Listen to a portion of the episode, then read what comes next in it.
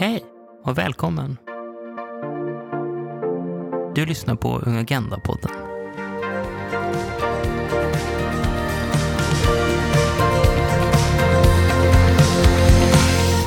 Hej allihopa! Nu är det Seinab igen och jag är tillbaka som programledare. Tack till Elsie och Hanna som skötte programledningen förra avsnittet. Och det här avsnittet är ju ett FN-avsnitt som ni väl känner till. Så det är FN-tema. Men det här avsnittet är ju en liten specialare. Jasmine och Daniel, som är våra ungdomsrepresentanter i två FN-organ som ni väl känner till, annars får ni kolla i LSUs hemsida. De träffade Robert Piper den 20 oktober och diskuterade om FN-reform och ungas inflytande. Och det avsnittet livesändes och vi har sparat materialet för att vi tyckte att den här diskussionen var väldigt intressant och vi vill gärna dela med oss er poddlyssnare. Det här avsnittet är på engelska och här kommer Jasmine och Daniel med Robert Piper. Welcome everyone uh, that are here and at home to this uh, webinar on UN reform and youth inclusion. My name is Daniel Samuelsson and I'm one of Sweden's youth representatives to the United Nations and we mod will moderate today. Our guest today started his journey in the UN over 30 years ago and has since then worked with multiple questions around the world concerning development and humanitarian efforts.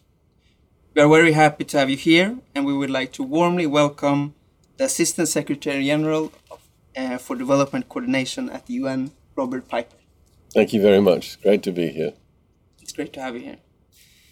We also got a surprise addition to this seminar who will join us, Jasmine Jalul, uh, who is also one of Sweden's youth representatives, but more specifically to the General Assembly. Welcome. Thank you very much, Daniel. Hi, everyone. My name is Jasmine Jalul, and I am the Swedish youth representative to the United Nations, more specifically the General Assembly and the Third Committee. And I work on questions regarding human rights, and it's a pleasure to be here with you guys. It's a pleasure to have you here.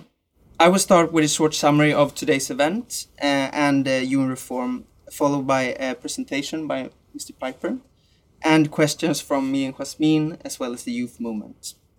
So if you have any question at home, please ask them. The United Nations Development Coordination Office, uh, or DCO, um, was created on the first 31st of December 2018 as a response to the creation of the 2030 Agenda in 2015. DCO uh, was created as the ambitious and intersectional nature of the 2030 Agenda demanded a transformation and reform of the UN development system. The purpose of the office is also to coordinate the UN agencies in the work and competence to focus on the 2030 Agenda, as well as supporting governments to achieve the SDGs.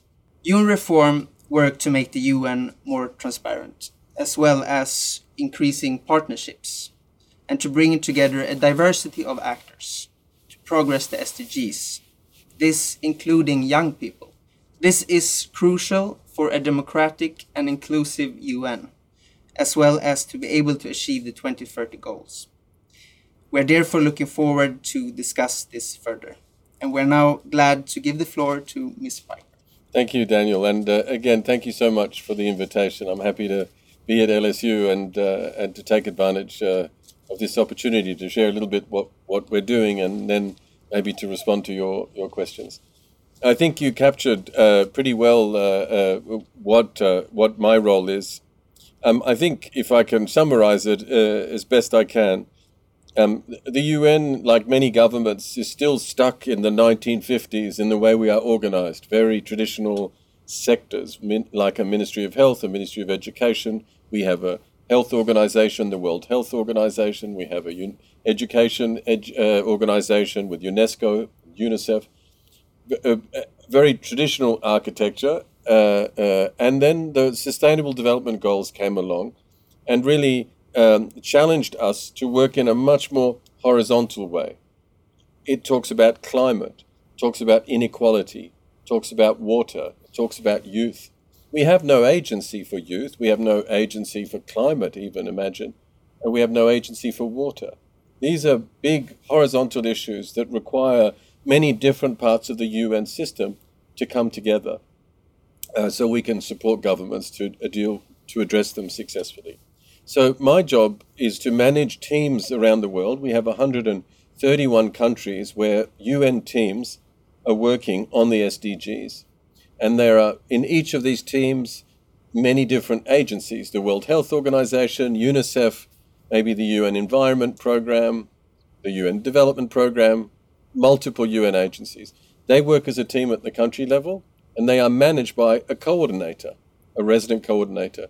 So I, my job is to help those resident coordinators lead these teams to collaborate around the issues of the SDGs Agenda 2030 to make sure that despite our 1950s agriculture uh, uh, architecture, we can work together on these issues successfully so we could support governments on climate, on youth, on water, on inequality, on access to justice.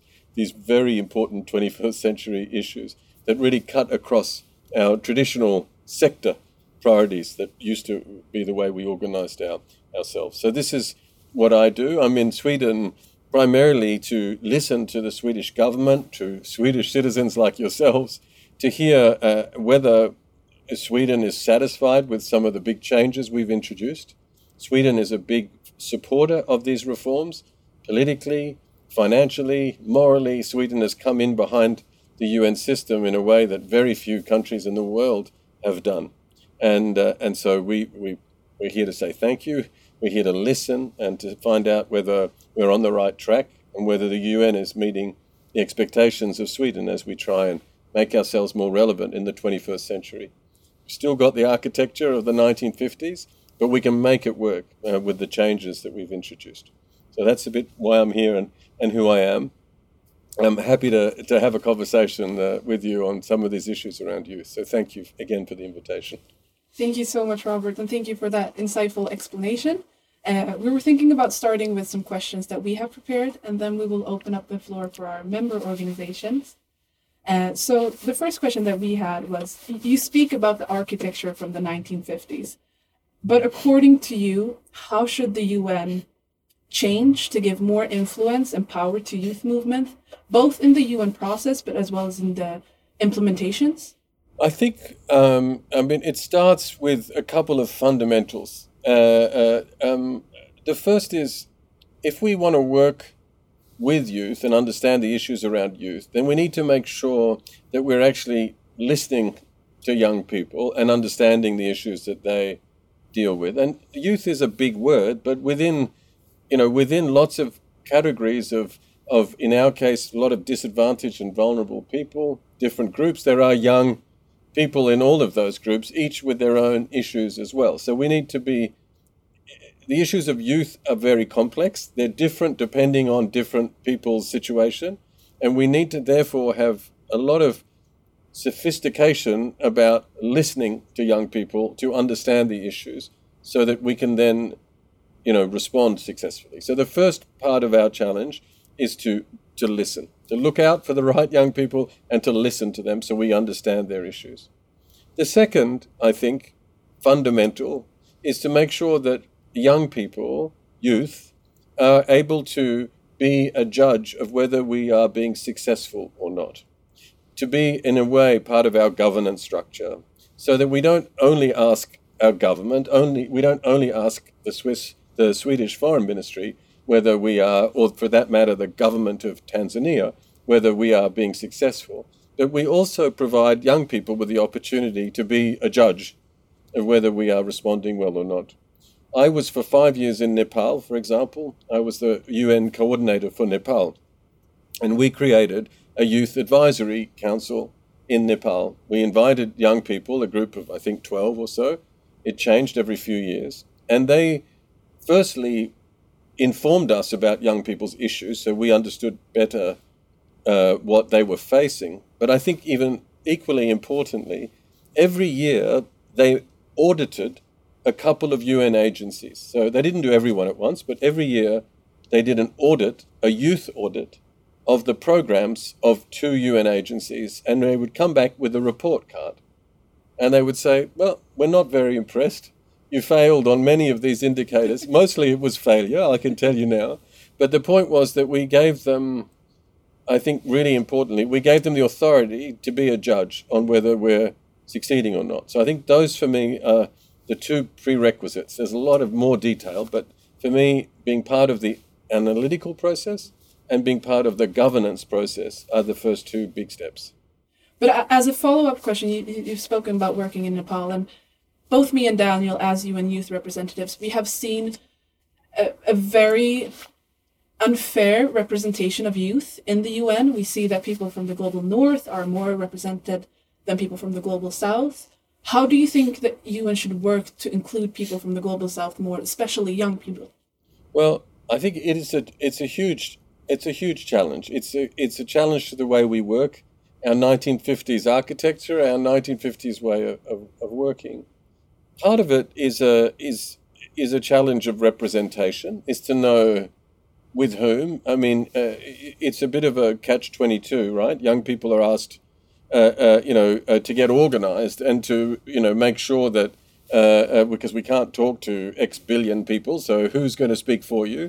Um, and on the other hand, you know, we question who's got the legitimacy to speak for who. So it's difficult challenge for young people, but I think there is a legitimate problem from the UN side of trying to think about what is the right way to engage young people and who are the right people to speak on behalf of you know hundreds of millions of, of people. So I think we have to get we have to get that right. But the Secretary General has recently unveiled a, a very important report called Our Common Agenda. And in that report, um, he, he really calls for a pretty radical change in the way the UN works. And it touches on many issues uh, within countries and, and between countries in terms of uh, international cooperation. But one of the core ideas uh, in, in, in our common agenda is this principle that we need to start uh, respecting uh, the consequences of our decisions for future generations. So there's a big focus for this Secretary General in looking ahead at foresight to understand the consequences of our actions much more uh, rigorously. Number two, uh, uh, um, to um, uh, to to underst- to to look at the to look at how to mitigate the impact of those actions. Number three, to put a value, a proper value on the right things. In other words, today, as he often points out, if you cut a tree down or you cut a forest down, it is counted as a plus in your gross domestic product.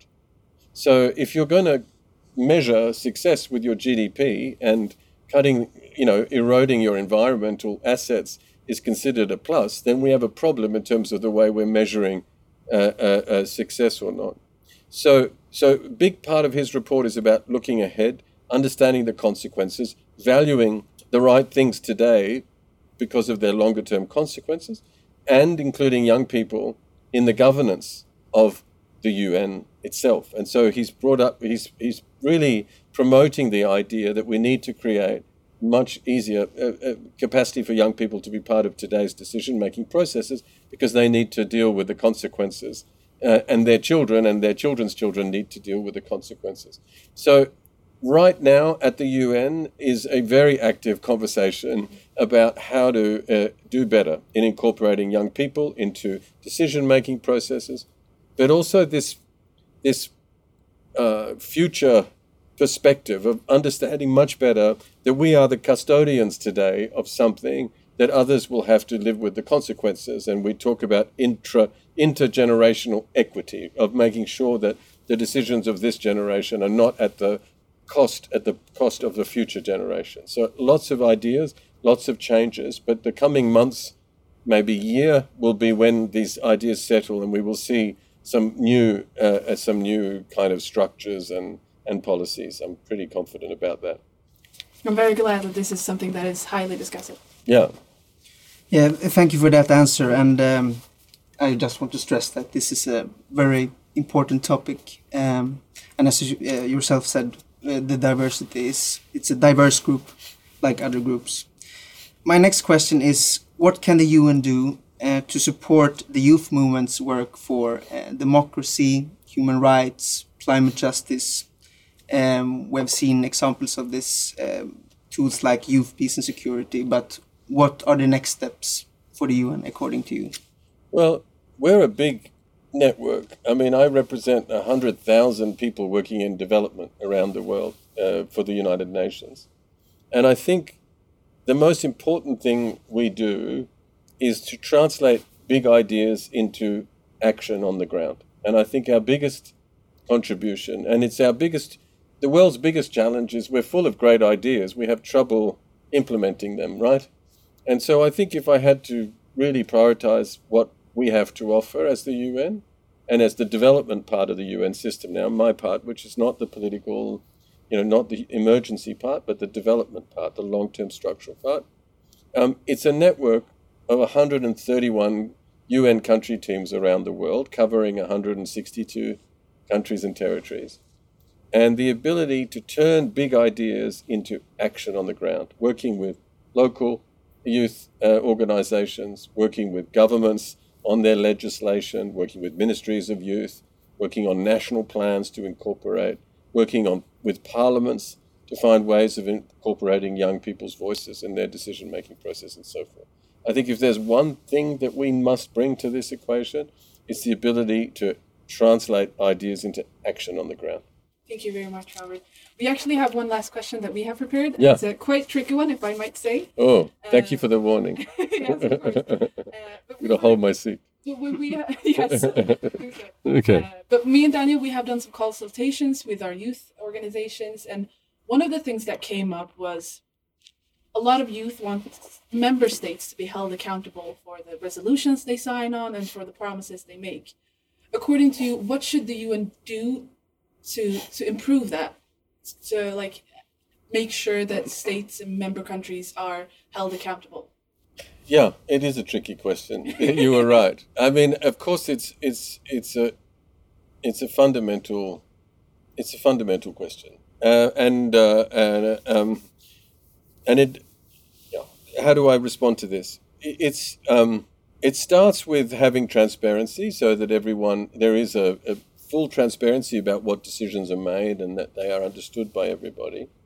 Um, um, it's followed by making sure that at the international level, you know, that everyone gets a voice uh, and member states are all at the table and can't say, well, this was decided by somebody else. They have to be part of the decision making.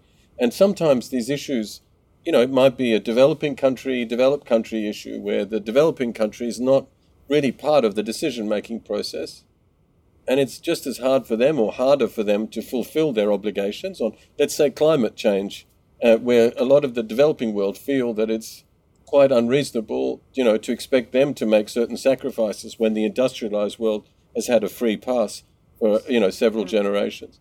And then we make a decision globally, and they're not really part of the decision. They weren't part of the consultation, and nothing is accommodating their kind of history and their disadvantage. So I think the second piece of this getting better accountability is to make sure that everyone owns the decision and has to live with the consequences. But I think the third bit would be to talk about what happens inside countries because at the end of the day, the UN is made up of 193 governments, states, and they represent you. They represent the constituencies. And I think fun- fundamentally that accountability starts by holding your parliaments accountable and making sure that they understand that their obligations internationally are things that you consider important as well. How many, you know, ask yourself in the next election, to what extent are international issues featuring in a Swedish national election? To what extent is there a debate about meeting, Sweden meeting its international obligations? It's pretty easy in Sweden because Sweden is one of the best international citizens on just about every scale. So I'm not really sure it's a great example.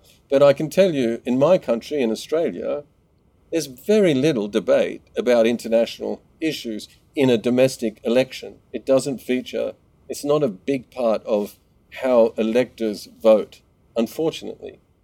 And so I think the, the third leg, if you will, in this accountability, I would say, would be to, say, to look at domestic politics, look at your own parliament, make sure that in the elections, these international obli- issues are part of the actual electoral debate, number one.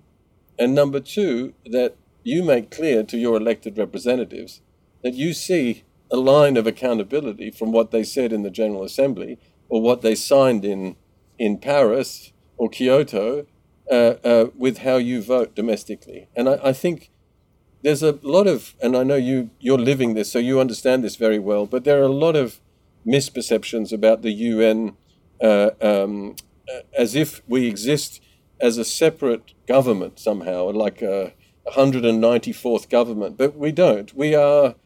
We, we serve 193 member states. They are our shareholders. They tell us what to do. Uh, and, uh, uh, and and we don't tell them what to do. They tell us what to do, and so in they're they're the ones that have to hold each other accountable.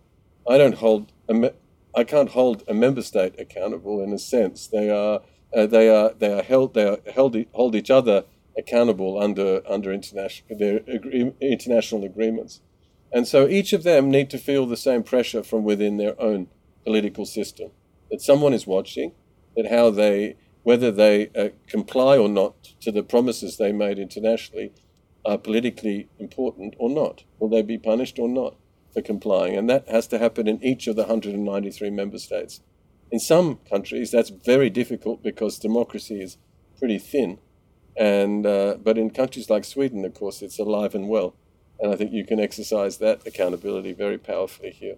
I'm glad that we're on top of the list, but there's always room for improvement, and we have elections in less than a year. Yeah. So I'm definitely gonna follow the debate and see what's what's on the agenda. Uh, thank you so much for answering our questions. We will now move on to the second segment of the Q and A, and now we have actually some questions from our member organizations. Some of them actually sent them in earlier, so we will start with one question from the the Scouts. Daniel, would you like to present it? Yes. Uh, so this is a question from our member organization, the Scouts. Um, the question is how can we ensure an effective and inclusive communication? Speaking of all these things, but how can we communicate results uh, or what is achieved, um, both in the UN reform, uh, but also the work um, in relation to the 2030 agenda? So, as I said, the reforms that I'm working on are driven by the 2030 agenda. But I didn't really talk about what the reforms were, precisely because at the end of the day, reforming, coordinating, planning, all of these things are not important in themselves. What's important is the result. So I think key to all of this is for people like me not to talk about reform so much as talk about the sustainable development goals and how what we are doing is more effective for the sustainable development goals today than what we were doing yesterday. So I think key to reporting is absolutely to stay focused on people, on results, concrete, tangible results on human beings, not sectors, not ministries, not governments, not policies, but people, and uh, wherever we work. And so I think that that's crucial. We're not very good at it at the UN. We get caught up, uh, firstly, in a lot of bureaucratic language, uh, um, we also get sort of caught up in, la- in in politically sensitive language, so we find ourselves with these terrible resolutions that go on for pages and pages and don't say anything because everyone is so worried. So we have to get better at it. We have to be much more agile also with social media and other ways of communicating to the way you know, to the way people actually communicate today, which has changed pretty fundamentally over the last 10, 20 years because we saw that when we had our consultations that a lot of member organizations were speaking about the importance of transparency and a lot of the time the information was there but it was just too difficult for someone like us to understand. Yeah. Uh, so i'm glad that that's something that you are aware of and that you're working on. Absolutely.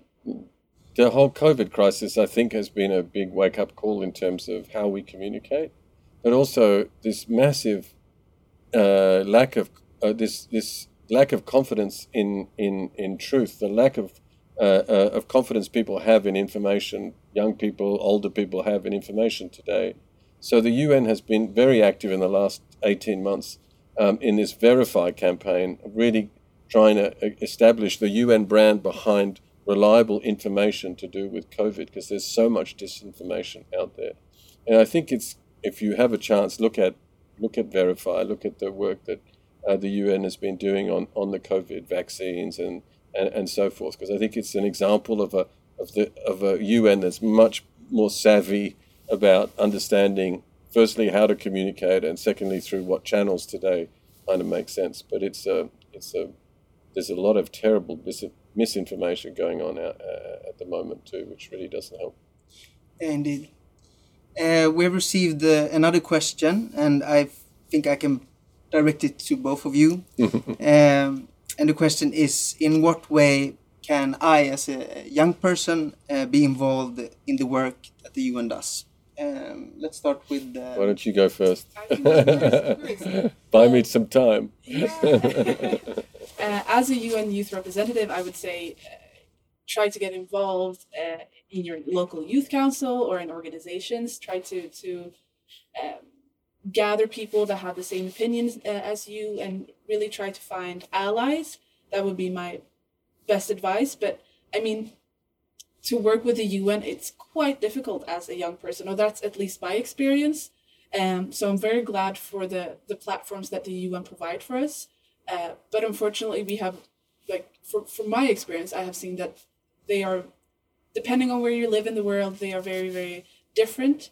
And it's usually easier here in the global north uh, to work with the UN. Uh, but w- what is your perspective? You have, I assume that you have worked with youth. Yeah. Yeah, we've worked with lots of, of youth organizations over the years, some extraordinary ones. Uh, also in Kosovo, I worked with with uh, with Albanian youth on Serbian reconciliation processes. Just incredible projects uh, in the Sahel. I've worked with different youth groups. I've, I've seen incredible things. But I, I think um, in terms of how to get engaged, if you're a young person today, I think the big revolution in my time in the UN in 30 years, which makes me very old, I know, um, is that, uh, I mean, young, I mean, not just young people, but citizens are actually able to access um, the UN directly. So I am on Twitter and I get all kinds of thing messages on Twitter, some of them not particularly pleasant, but some of them, you know, but also, but very important messages. And, and so I'm not behind, you know, a fax machine and three secretaries anymore, like maybe my predecessors were in a previous generation. I'm online. I'm there. I'm at whatever UN Piper, and uh, and and you do have access, and the UN does take this very seriously. The, the, these sort of messages, these I don't mean reading every message. I mean mobilizing people to, to really indicate what's important to you and to condemn, you know, poor decisions and celebrate the good ones. And we have both in the UN, of course, so there's plenty of room for criticism. But to know that you do have this ability to, to be heard, it doesn't always automatically translate into the decision that you're looking for. But I wouldn't underestimate it. I really wouldn't underestimate it. My son uh, works for a, a youth organi- or was a volunteer in a youth organization in Australia called Oaktree. It's a big youth organization. I think something like 140,000 members. And, um, and uh, he was at university at the time, working on their governance, uh, a kind of area of Oaktree, so as a volunteer. If he, if when Oaktree needed the attention of politicians, they could inv- ask for a meeting or ask them for a press conference to talk on an issue around aid. And those politicians responded every time because they understood the power of that membership in today's uh, kind of society, in today's sort of democratic process, in today's media. And I, I think, I think young, young people have actually, in some ways, a lot more instruments to influence outcomes today from home, even from the comfort of your couch, uh, than, than any previous generation of young people.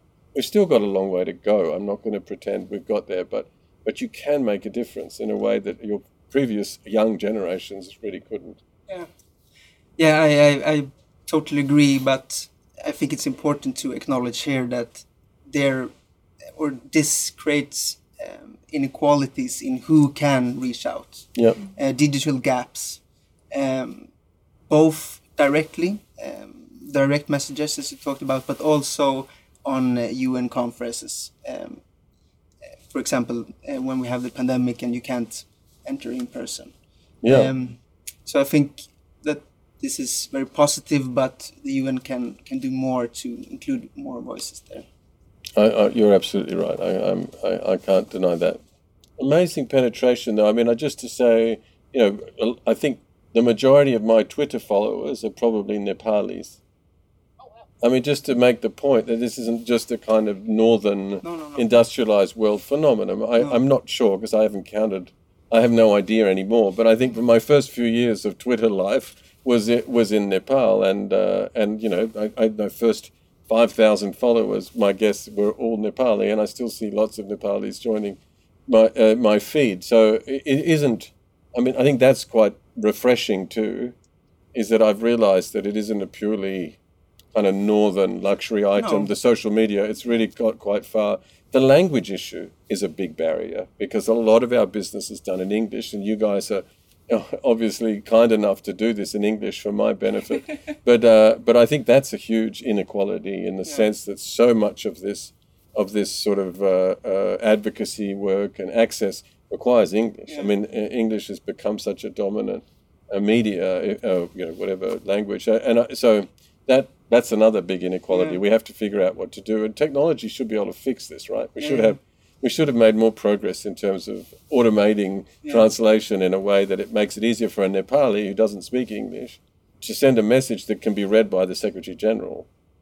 At the moment, she writes in Nepali, and, and unfortunately, she won't be read. Yeah, I totally agree with language and also um, in terms of internships, it's it's not paid. I know that the That's Secretary right. General have, I think you have talked about uh, at least some paid internships, Yeah. but this also creates a divide. Oh, yeah. Um, yeah, so there's many things uh, here to talk about. I think we have uh, taken all the questions, or We actually have one question We from the audience. Can you help me read it, Daniel? Even though I have glasses, I'm Let's all to see squint. it. We'll all squint at the screen. yeah, but I'm uh, glad it's not just me, the old guy. Uh, so the question is, uh, what can we do to ensure that the things discussed in this meeting are followed up by concrete action uh, and not end with words? This was actually, um, or more or less, a question that we were planning to to uh, ask as the last question. So this fits perfectly. Uh, so what can we do to ensure that the things we discussed and the things you uh, talk about um, in other spaces um, is translated into action and, and, and not only stays at words. Well, I, I'm, you're going to have to also give that some thought. But uh, I think if you're asking me, what am I going to do on my part? Because I think Yeah. we all have to sort of think everyone. that through. Yeah. How do we make sure that these sorts of conversations translate into action? Yeah. I'm going to do a few things. Uh, uh, one of my commitments is to work with the Secretary General on his big ideas for bringing young people into uh, the UN's decision making process and planning process much more carefully. And because I manage 131 coordinators around the world, I'm, my job will also be to make sure that those ideas are replicated, not just in New York, but in Nepal and Argentina and Kosovo, etc. So, so I'm going to also make sure that these ideas are not just staying at the political stratosphere, but are translated and actually happen uh, across the developing world as well. Uh, uh, and, and number three, uh, I'm going to work. We have a youth envoy, uh, and I, I am part of the steering committee of that youth strategy that she manages on behalf of the UN. So I will work with her to bring some of these, this conversation, some of these issues uh, to those discussions, and make sure that I'm a committed member of her steering committee to make sure uh, we're a bit more effective on, on, on these issues around youth. That's just the beginning. Uh, I, I really do believe uh, we are going to have to radically rethink uh, um, uh, what we do and how we do it to incorporate this sort of intergenerational equity question. Too many of the things we're doing today uh, are at the cost of future generations, and we've not valued that. We've not incorporated it into our decision making processes. So, this is a big shake up that the Secretary General is planning uh, for everyone in the organization, including me, to think very, very differently about about how we work and uh, and what we what we consider success. Uh, because uh, so far our successes, too many of our successes, are at the expense uh, of uh, of future generations. Thank you very much. Thank you, Robert. And I can tell you what we will do. We will make sure that our politicians are held accountable, and we will keep on our work with the consultations with our member organizations. Uh, but thank you so much, Robert, for joining us today. Thanks. We have actually come to the end of our event, and we would also like to thank the audience for watching and submitting questions. Thank you, everyone. Thank you. Thank you very much, both of you. Thank for you that. very much. Okay. Thank you. Wonderful. Thank you so much. very nice to talk. Tack Jasmine och Daniel för den här intressanta diskussionen. Jag hoppas att ni som har lyssnat känner lite ringar i vattnet och vill diskutera det här vidare. Ni kan kontakta Jasmine och Daniel via LSUs hemsida om ni har några tankar eller analyser ni vill dela med er. Och då var det slut för det här avsnittet och vi kommer tillbaka igen men då, då är det ett EU-avsnitt tillsammans med Elsie och Hanna.